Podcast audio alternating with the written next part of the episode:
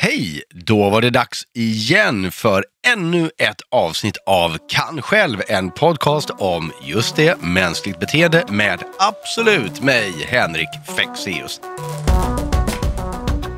Det är ju en otrolig spänning, adrenalinkick. Man vet ju att det är två miljoner tittare som sitter där och tittar live. Och även fast man har tränat otroligt mycket så är liksom, man är där och det finns ingenting annat. Men liksom, det är full fokus. Ja. Det är häftigt att vara i den bubblan, även fast liksom, man vet att kroppen kan det här, men man är ändå så fokuserad. I det här avsnittet så ska vi eh, gräva ner oss i någonting som intresserar mig. Som vanligt och förhoppningsvis dig också. Och det är det här, som ett ord som vi ofta hör tycker jag slängas lite valhänt ibland omkring oss med kroppsminne. Och eh, det råder en viss begreppsförvirring kring det här. Man pratar om kroppsminne, man pratar om muskelminne, som om det vore samma saker. Och det är det absolut inte. Och eh, för att få det lite up to speed nu för att förstå vad det är jag pratar om. Så kroppsminne är idén om att kroppen själv kan lagra minnen. Eh, kanske till och med på cellnivå. Att minnen alltså inte bara lagras i hjärnan utan kan lagras i kroppen. Den här hypotesen använder man för att förklara hur vi kan ha minnen eh, trots att hjärnan inte var aktiv vid tillfället där de här minnena formades eller, eller inte hade möjlighet att, att lagra minnena. Eh, och ett exempel på den här typen av kroppsminnen är att man har gjort flera olika studier där man helt enkelt har eh, halshuggit, får vi säga, eh, djur som när eh, huvudet sen har vuxit tillbaka, det kan låta konstigt, hör jag det jag säger redan nu, men det finns den typen av djur. Eh, men när huvudet har vuxit tillbaka så verkar det som att de här djuren kommer ihåg de minnena som de har haft och den, den träning de har fått. Det vill säga man har tränat upp dem först till någonting, huggit av huvudet där minnena ju då borde ligga, väntat till ett nytt huvud kommer dit och då minns de fortfarande sin träning. Det låter ju som att det lagras i kroppen, eller hur?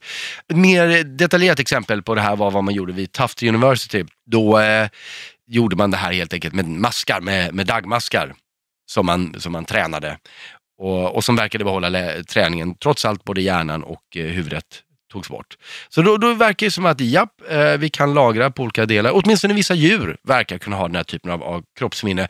Eh, det är till och med så att om du har en mask, ja, ingen aning om vad de använde för att, för att skära så här tunna skivor av den här stackars, stackars masken. Men, men man noterade att det räckte med att behålla en 279 del. Så de gjorde alltså 279 små skivor av en stackars mask. Förstår inte varför man inte gick upp till 280 när man ändå höll på. Men 279 skivor, behöll en av dem. Väntade på att den här, för som ni vet, dagmaskar växer ju ut igen. Och efter några veckor när den här 279-delen hade vuxit tillbaka eller vuxit ut sig igen. Så ehm, visade den eh, att den eh, behöll samma typ av träning som masken hade fått innan. Och I det här fallet var det helt enkelt att man hade tränat masken till att röra sig mot ljus och öppna ytor för att leta efter mat, vilket ju är ett väldigt onaturligt och väldigt farligt beteende för en mask. Den vill normalt göra tvärtom förstås och det tar några veckor att träna in det här. Ja, igen då verkar ju vara ett bevis att den här typen av kroppsminne, åtminstone vid enkla livsformer, eh, borde kunna existera. Ett sista exempel, igen på en, en typ av maskar som man gjorde på 50 och 60-talet. Så eh, tränades maskar i att röra sig i en, eh, en labyrint och sen så, eh, igen, hackade man upp de här stackars maskarna och matade dem till eh, andra maskar. Och den här andra gruppen av maskar som alltså inte hade fått någon träning utan bara åt de tränade maskarna visade sig att de klarade av att lösa de här labyrinterna snabbare än andra eh, maskar som inte hade fått någon träning eller fått äta tränade maskar alls. Eh, och eh, forskaren som gjorde det här, McConnell hette han, han tänkte att det här på något sätt bevisade att den här, eh, att det åtminstone indikerar någon form av, av minne på cellnivå. Den här träningen alltså låg lagrad i cellnivån av de här maskarna och därmed kom med då när, när de åts upp. Skillnaden mellan, mellan cellminne och kroppsminne är egentligen bara att, att i kroppsminnet, om man ska verkligen in på detaljnivå, så menar man, de som pratar om kroppsminne, att minnen kan lagras i organen, i cellminnen då menar man att det lagras i själva cellerna, men, men skit i det. Men ifall det är viktigt för någon. Och varför är då det här intressant? Jo, därför när det handlar om oss människor så bruk, brukar man eh, prata om kroppsminne i termer av när det handlar om eh, förtryckta minnen och att få tillbaka förtryckta minnen. Man, man pratar om att kroppen kan minnas eh, trauman som den har varit med om, även psykologiska trauman. Och, och det här är någonting som väldigt ofta länkas ihop med eh, just idén om förtryckta minnen, eh, mer specifikt som handlar om eh, sexuellt utnyttjande. Och man menar att även om vi har förträngt, att vi har varit med om den typen av obehagligheter i vår eh, tidigare i livet så kan kroppen fortfarande minnas det och, eh, och genom kroppsliga sensationer, kroppslig stimuli kan vi få tillbaka de här minnena och därmed börja, börja bearbeta dem. Och det är ju en, en intressant eh, tanke faktum är att det finns en, en, psykolog som heter Susan E. Smith som formulerar det här ganska bra. Jag ska inte försöka översätta vad hon sa, utan jag tänker läsa eh, ett citat från henne om det här. Eh, och hon hon eh, uttrycker så här. Body memories are thought to literally be emotional, kinesthetic or chemical recordings stored at a cellular level and retrievable by returning to or recreating the chemical, emotional or kinesthetic conditions under which the memory recordings are filed. Eh, med andra ord att, att kan vi återskapa liknande sensationer i kroppen så kan vi få tillbaka de här minnena som vi har förträngt och då börja bearbeta dem. Hon eh, fortsätter att skriva att det här är one of the most commonly used theories to support the ideology of repressed memories or incest and sexual abuse amnesia is body memories. Det här är tungt. Det här är otroligt tungt. Problemet är jag vet att jag kommer göra mig till ovän nu förmodligen med ganska många människor. Men det här är en eh, rätt pseudovetenskaplig tanke. D därför att det finns inga kända sätt på vilka annan vävnad än just hjärnans struktur kan lagra minnen. Och då kan man ju direkt säga, ja, ja, det finns inga andra kända sätt. Men vi, vi, vi vet ganska mycket ändå om kroppen och hur cellerna fungerar. Och om vi hoppar tillbaka till de här maskarna. Ja, det kan ju vara ett bevis på kroppsminne.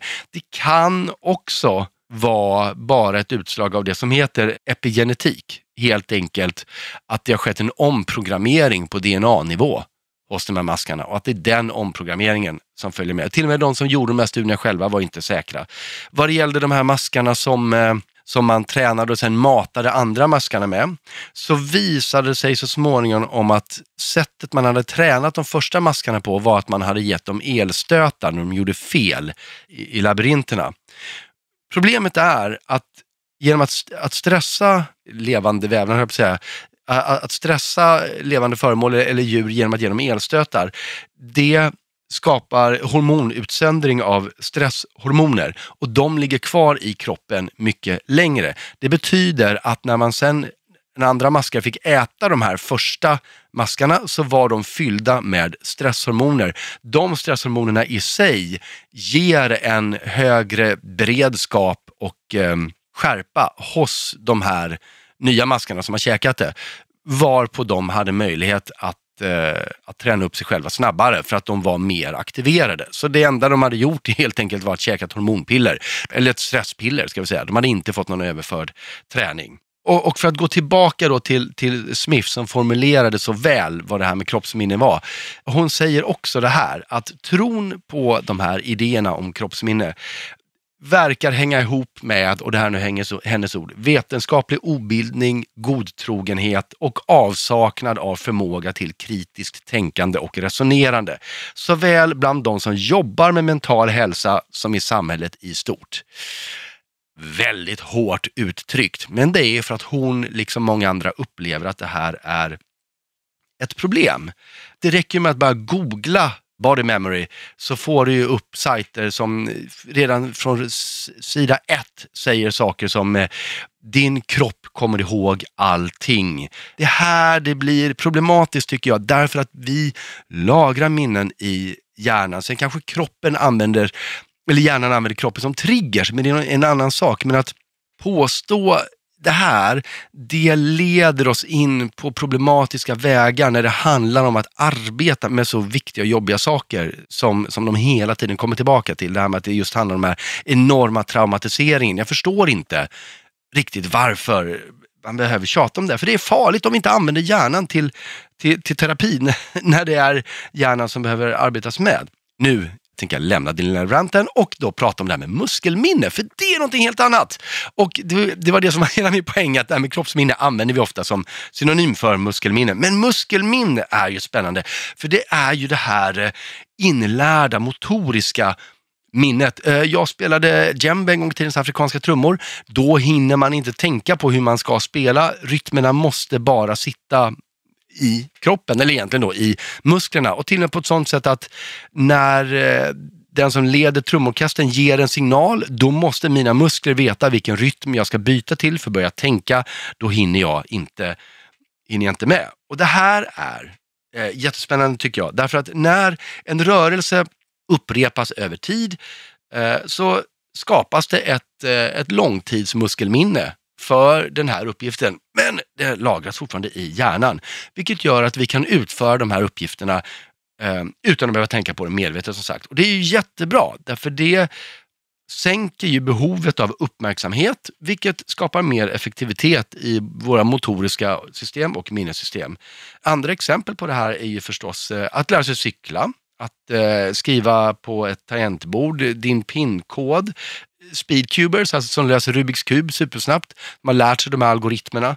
Spelat musikinstrument som sagt, eller eh, kampsport, eller dansa för, för den delen. Och jag tycker att det här är väldigt intressant därför att det går ju att använda muskelminnet. Inte bara till att eh, komma ihåg eh, eller lära sig motoriska, rent motoriska saker som blir reflexmässiga, som att cykla eller spela instrument eller dansa.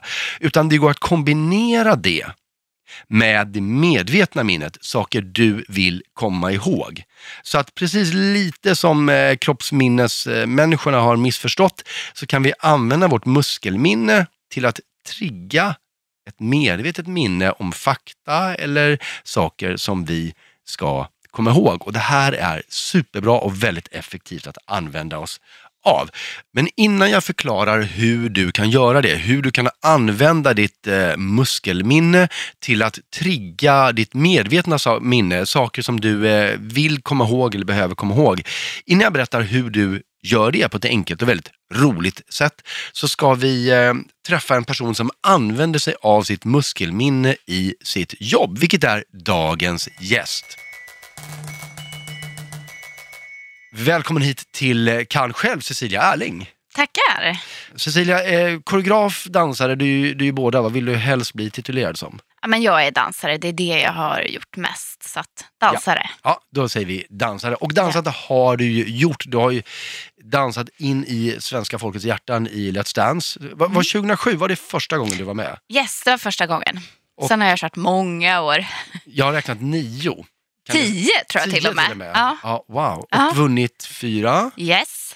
Uh, och det, Martin Lidberg, Mattias Andreasson, Ingmar Stenmark, Markoolio. Jajamensan, mm. stämmer bra. Bra track mm, record där mm. tycker jag. Uh, sen dansar det, det här, den här sidan läser man inte lika mycket om, men du dansar ju själv. Du har dansat både EM och VM, alltså tävlingsdansat. Absolut, det är där jag lärde mig allt. Hur nära Let's Dance var det? Eller var det under tiden eller var det före? Eh, jag hade min tävlingskarriär innan och sen eh, när min partner inte ville fortsätta tävla så eh, dök den här möjligheten upp att köra Let's Dance. Så det var liksom perfekt timing och då kunde jag ändå ha kvar dansen i mitt liv. Så det var en jättebra övergång. Just det. Sen, och sen har du ju gästspelat i andra tv-program också ska vi ja, säga. Och, och fortsätter, jag tycker att det är så härligt att du och även andra kollegor från Let's Dance, men det är ett väldigt folkligt tv-program och mm. Eh, jag tycker att ni gör en stor gärning att ta ut det ännu mer till folket när ni erbjuder kom och dansa med oss ja, ja, ja. I, olika lokaler. Jag, ja. jag, såg faktiskt reklam för, för dig senast igår i, i tunnelbanan här i Stockholm. Ja, den har jag inte sett själv. Nej, och jag tycker att det är, men det är väldigt fint på mm. något sätt. Att det inte blir den här elitistiska, ja du, du måste få vara med i tv för att kunna dansa med Silja. Bara, nej, alla det, kan och alla får vara med. Men du, sen har jag läst någonstans att du är utbildad idrottslärare. Mm, det stämmer bra. Har du jobbat som det någon gång? Ja, jag jobbade väl ungefär två år, men eh, jag var alltid tjänstledig på våren för jag ville så gärna göra Let's Dance. Så att efter jag hade gått min utbildning eh, på GH så provade jag att jobba, men eh, jag kände att jag ville jobba mer med dansen. Ja. Passa på medan jag orkar. Och nu har du ju en ny karriär får man säga. Det Mm, kanske är konstigt att använda ordet karriär. Det Ja. handlar ju om, om din eller er graviditet. Ja. Men som ni har valt att göra väldigt offentlig i med bloggen sissifreddan.se. Jajamensan. Så där kan man ju gå in och följa ditt, eh, ditt nya liv. Lite läskigt. Ja. Men du, hur länge har du dansat? Det, det känns som att alla, alla som dansar började det när de var minus två år. Var det så för dig också? Ja, men nästan. Eh, jag började väl dansa hemma i vardagsrummet. Mm. Älskade stå och liksom hoppa runt till musik. Och då märkte mamma att Nej, men det här ska vi liksom följa upp. Så hon satte mig i en dansskola i Gävle. Jag var väl fem år ungefär. Fastnade direkt. Jag var liksom inte den som provade på massa olika aktiviteter. Nej. Utan det var liksom dans som var. Så att, eh, fem år var jag. Sen kom jag väldigt snabbt in på tävlingsdansen, eller pardansen. Så Ja. när jag var nio år så gjorde jag min första tävling. Vad var det i dansen som du fastnade för då?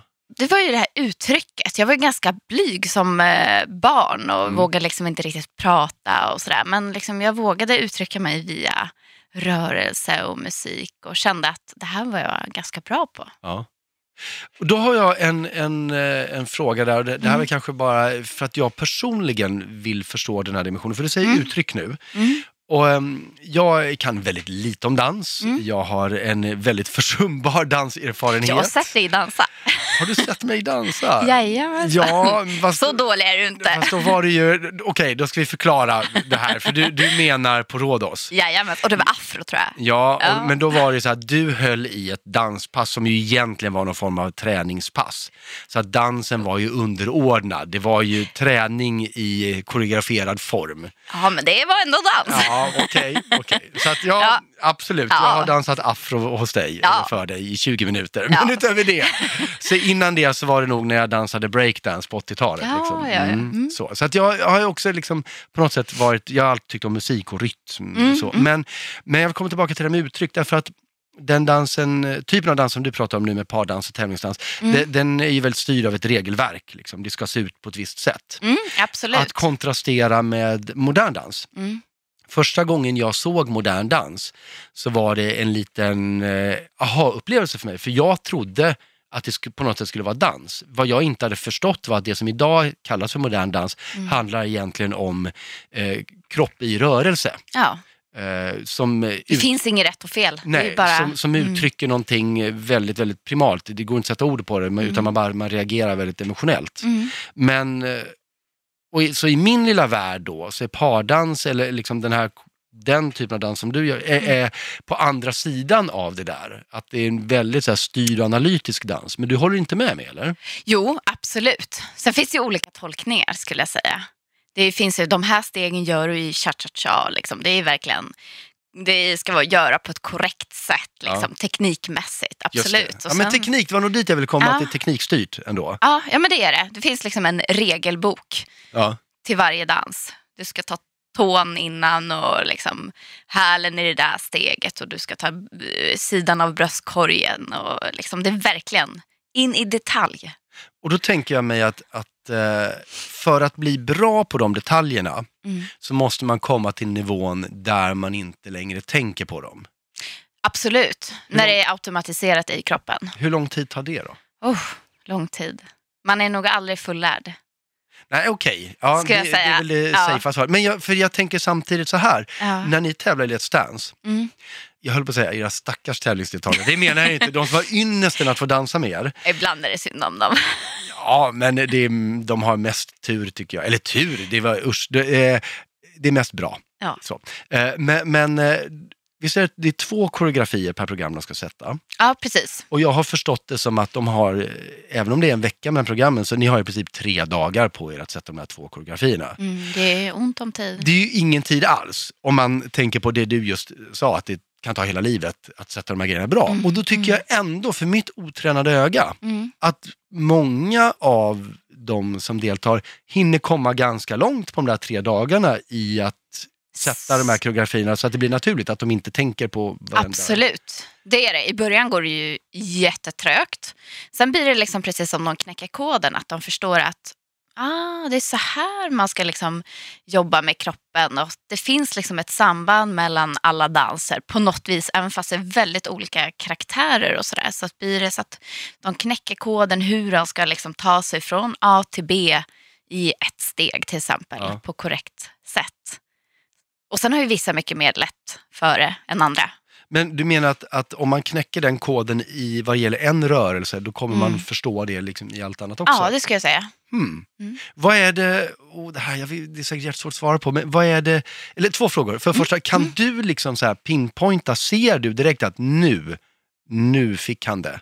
Min partner, Ja. nu hajade han. Ja, absolut. Vad jo, är, men det, det vad är det. som händer då? Ja, men det ser naturligt ut. Mhm. Ibland eh, det ser snyggt ut. Ibland ser man bara oj, oj det här såg liksom. Man, det är svårt att sätta fingret på vad Ja. är det han gör eller hon gör som gör att rörelsen inte ser naturlig ut. Eh, Men sen får man nöta och prova och stå och titta, kopiera. Och ibland är man själv inte riktigt medveten om vad det är man gör. För att man har gjort den där rörelsen, nu var det ju väldigt många år sedan jag stod och nötte, men Ja. det sitter så i själva ryggmärgen och i kroppsminnet att det bara sker. Och sen, man måste verkligen liksom backa och analysera. Vad är det jag gör? Va, vad skiljer en naturlig rörelse från en onaturlig då? Jag brukar det ska se snyggt ut. Ibland ser man att det där ser inte bra ut. Då brukar jag faktiskt göra så att ah, men vi gör inte det där steget. Ah, det, okay. jag, liksom, jag gör bara sånt som de ser bra ut ja, det, är- det är väl bra. Jag bara, äh, det där byter vi ut. Därför har fyra vinnare också. Ja, precis. Men, men eh, där- därför att jag tänker mig att det kanske finns, om det vore enkelt, vilket det säkert Mm. inte är, men om det vore enkelt så skulle det kunna finnas en korrelation mellan att ju mer du tänker på en rörelse, desto mindre chans har den att vara naturlig. Mm. Att det har med det här muskelminnet att göra, att när Mm. det bara lagras, då kommer det naturliga. Det kanske inte Mm. alls är Ja, men jag tror lite både och. Jag tror att man måste tänka och analysera. Men sen när det väl liksom gäller, då ska det finnas där. Ja. Då ska det bara komma. Att man har liksom, om man säger, nött och tänkt och analyserat och sen får man släppa det. Men för dig då som dansar och har gjort det här så länge så att du Mm. har automatiserat det. Mm.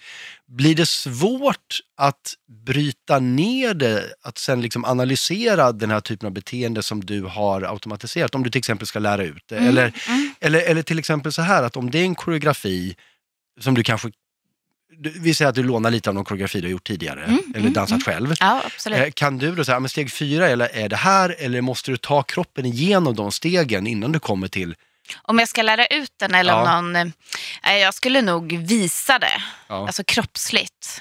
Sen så till exempel om jag jobbar med en eh, dansare så kan man ju liksom bara visa det en Det är gång och sen snappar man upp det betydligt snabbare. Liksom. Men om man skulle börja med en helt nybörjare då långsamt steg ett och sen två och hela tiden gå liksom. men, men kan du analysera det som du nu har automatiserat? För, Alltså, för går det att- nybörjaren, Går det att lyfta upp det liksom medvetet? Jag gör så Ja. här, så här, du vet vad det är du gör. ja, ja, ja, ja, absolut. Det gör det. Det är intressant. Mm. Därför att, eh, jag, jag nämnde tidigare i avsnittet att jag eh, för mass, massa år sedan spelade djembe ett kort tag. Mm. Och när man, Just spe- det. och när man Mm. spelar djembe så är det ju, eh, det är ju väldigt mycket slag Mm, och väldigt komplicerade rytmer ibland. Mm.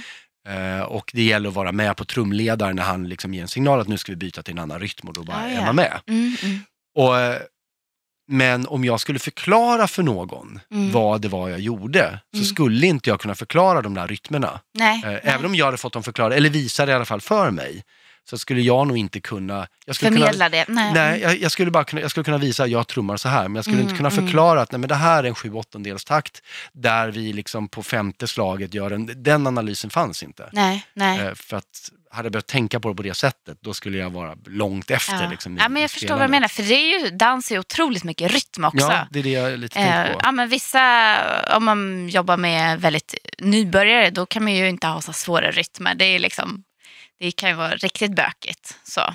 Men skulle du kunna förklara en koreografi för mig utan att visa någonting av den? Eh, Jag ber inte göra det nu. Jag Jo, men är kanske. ens men då är det så här, höger ben bak, vikten på. Skjut fram vänster ben och för kroppen Ja, över. men, ja, men du har ändå den Ja, medvetenheten om att det här är allt Ja, jag, jag, gör. kan, jag kan sitta, Ja. sitta liksom på stolen. Ja, Ja, absolut. Men sen kan man ju gå ner på ännu mer liksom, djupare nivå. Liksom. Du ska ta vikten ner i höften, du ska liksom, gräva ur höften för bröstkorgen på det taktslaget. Alltså Ja, verkligen så här på mikronivå kan man ju också göra. Men det är ju svårare, Ja. absolut.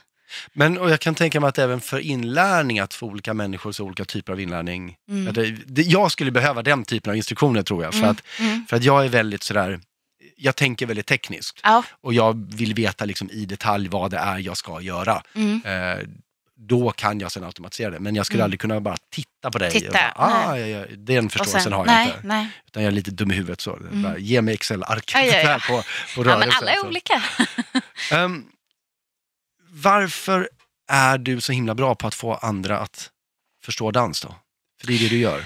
Eh, Jag tror att jag ger dem otroligt mycket tid och liksom lugn och eh, ja, nöter mycket, liksom. inte stressar upp mig och sådär. Eh, Vissa kan ju bli stressade om de inte fattar på en gång. Liksom bara, "Oh", så, utan jag ger dem tid och sen så tror jag att jag gör nog ganska enkla koreografier men effektfulla. Liksom. Mm, Så. smart. Mm. Undvika de där fula stegen. Ja, men precis. Ja. Ser man ful ut, då tar man bort dem. Ja, det, är väl, det är väl en bra regel Ja, ja. kanske man ska Ja, men tävla någon i gång, tv. ja, precis, någon gång bara, kan jag inte få försöka? Jag bara, men nu har jag hållit på med det steg en timme, nu tar vi bort det. En timme, är det, oj, det var ju ingenting. Jag trodde det var så här, kan man inte efter en och en halv dag, men du ger en timme, då ska det sitta. Ja, men med tanke på att man har tre dagar så kan man inte slösa en, en hel dag på ett steg när man har hur många steg som Nej. helst. Nej, min, min beundran för alla de här som deltar i, i det här programmet det sköt just nu i höjden ännu mer måste jag säga. Jag vill gå tillbaka till det här med att, att eh, det här som du, alltså du jobbar ju med, eftersom du jobbar med kroppen och du jobbar med att du, det här måste ske liksom automatiserat, eh, så jobbar du med ditt muskelminne. Eh, det här kan vara en konstig fråga, Mm. men använder du dig av det här även i andra sammanhang? Förstår du vad jag menar? Jag kan ge exempel Mm. annars. Men... Ja, men ge gärna ett exempel. Ehm, så här, om, om jag eh, ska ge en föreläsning, eller, eller för den delen en, en föreställning, men även en Mm. föreläsning, Mm. så eh, måste jag, jag kan inte liksom tänka ut vad jag ska säga på en stol och sen gå ut och säga det, utan jag måste agera ut den Mm. med kroppen. Därför att då använder jag min kropp, jag tränar till, jag, jag går hit och då går armen ut till höger. Ja, Och så det. gör det så många gånger så det, det automatiseras. ja, Men och sen då använder vet du vad som det, kommer Ja, för att jag använder efter. det som en trigger till det jag ska säga.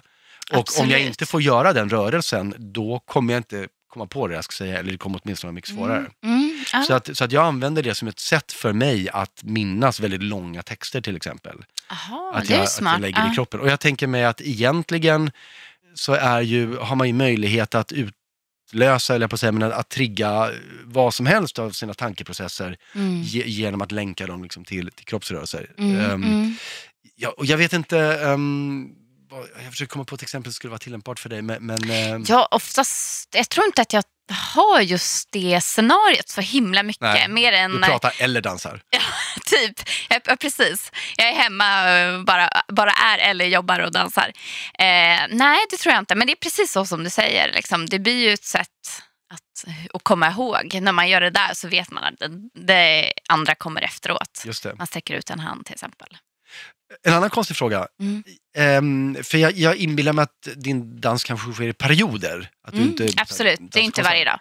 Märker du de sk- Oh, det här är jätte... Jag tar nästan tillbaka frågan Nej, kör, ställer kör, kör, kör. Tycker du att du märker din skill- någon skillnad på din övriga liksom, vad ska jag säga, mentala kapacitet när du dansar eller inte dansar?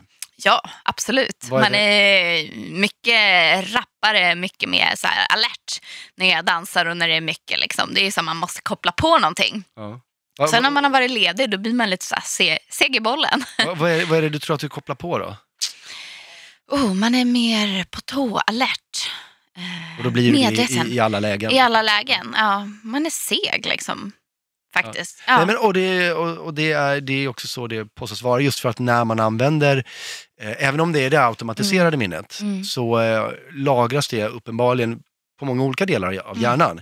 Vilket innebär att du överlag har en större hjärnaktivering Ja, ja. ju mer du använder ehm, kroppen, framförallt i, i memoriserade rörelsemönster eller aktiviteter som är automatiserade. ja. Då går hela hjärnan igång och det påverkar all, all tankeverksamhet. Ja, men det är ju som när vi uppträder. Eh, det är ju en otrolig spänning, adrenalinkick. Man vet ju att det är två miljoner tittare som sitter där och tittar live. Och även fast man har tränat otroligt mycket så är liksom, man är där och det finns ingenting annat. Man liksom, det är full fokus. Och Det är häftigt att vara i den bubblan, även fast liksom, man vet att kroppen kan det här, men man är ändå så fokuserad. Det är väl det som kallas för flow.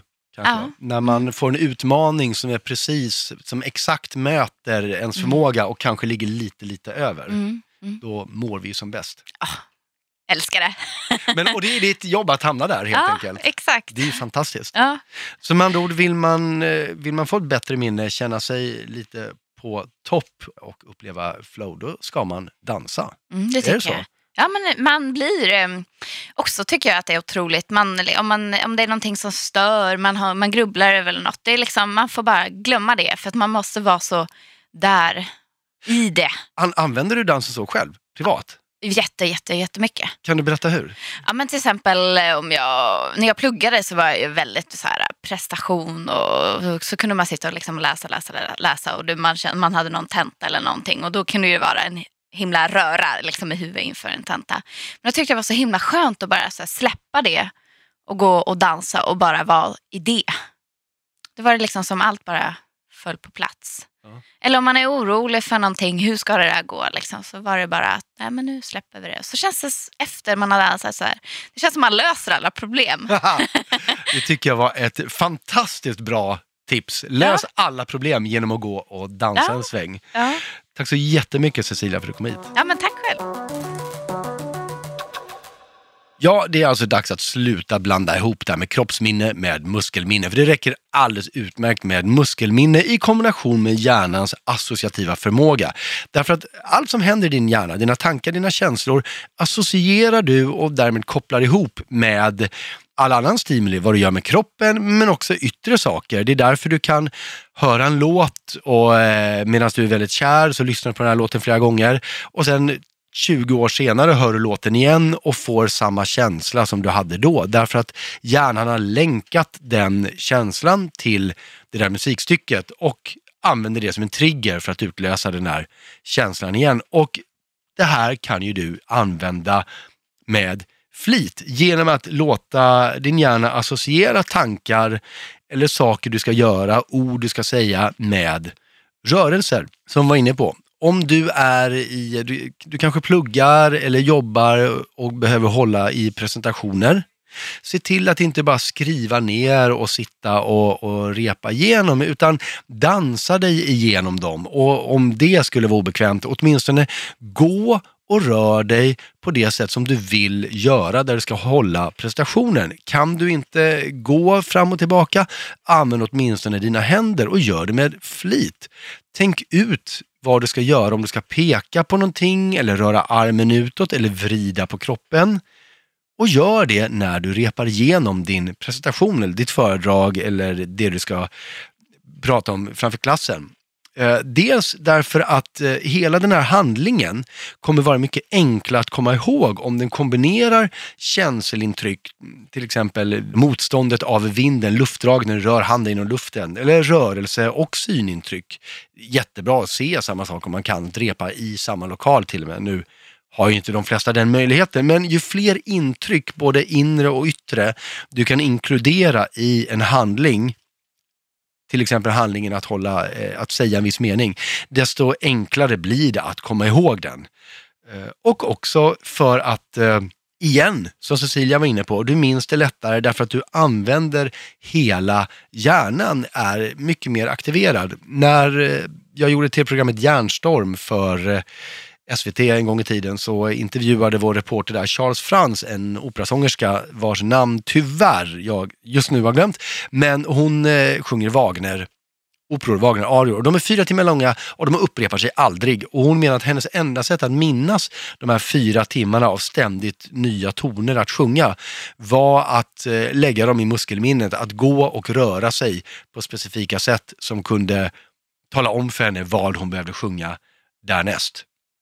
Det här är egentligen samma funktion som eh, när vi går tillbaka in i ett rum för att minnas någonting. Ni vet, vi, vi tänker en tanke, eller jag brukar göra det i alla fall. Eh, jag tänker en tanke och sen så eh, går jag in i, i ett rum för att hämta någonting och så har jag glömt vad det var jag skulle hämta eller vad jag skulle säga till någon. Om jag då går tillbaka till det första rummet så minns jag vad det var igen. Och det är för att jag och du, om du gör samma sak, redan, redan då har associerat vistelsen av att vara i det där rummet med den här tanken. Och kommer du tillbaka till det rummet så blir det lättare att minnas den. Så att allting associerar vi med våra tankar. Och varför då inte utnyttja det? Varför inte använda kroppen som redskap när du vill minnas? Kräver ju förstås lite förarbete men det fina är att om det ändå är någonting du behöver minnas, om det nu är en presentation till exempel, så kommer det kräva mindre förarbete rent minnesmässigt om du lägger det i musklerna, i muskelminnet, aktivera hjärnan på det sättet, än om du bara skulle försöka memorera ord från ett papper och inte inkludera rörelser eller resten av ditt jag. Så det är mer praktiskt och dessutom lite roligare. Och utöver det, vad sägs om att vi avslutar dagens eh, avsnitt, eller det här avsnittet av Kan själv, med Cecilias råd att när det är lite för mycket i huvudet, när, eh, eller saker och ting känns tungt, ta och dansa en sväng och eh, Tycker du att det känns obekvämt eller det kanske inte är läge att göra det just då, se till åtminstone att röra på dig och aktivera resten av ditt fysiologiska, biologiska system. För du är ändå tänkt att använda kroppen. Det är därför du har en. Så eh, använd ditt muskelminne, Använd kroppen till att rensa tankarna och få positiv energi och gör det helt enkelt tills vi ses igen redan nästa vecka i Cannes själv. Det här var Henrik Fexeus, rakt in i dina öron. Vi hörs igen. Hej då!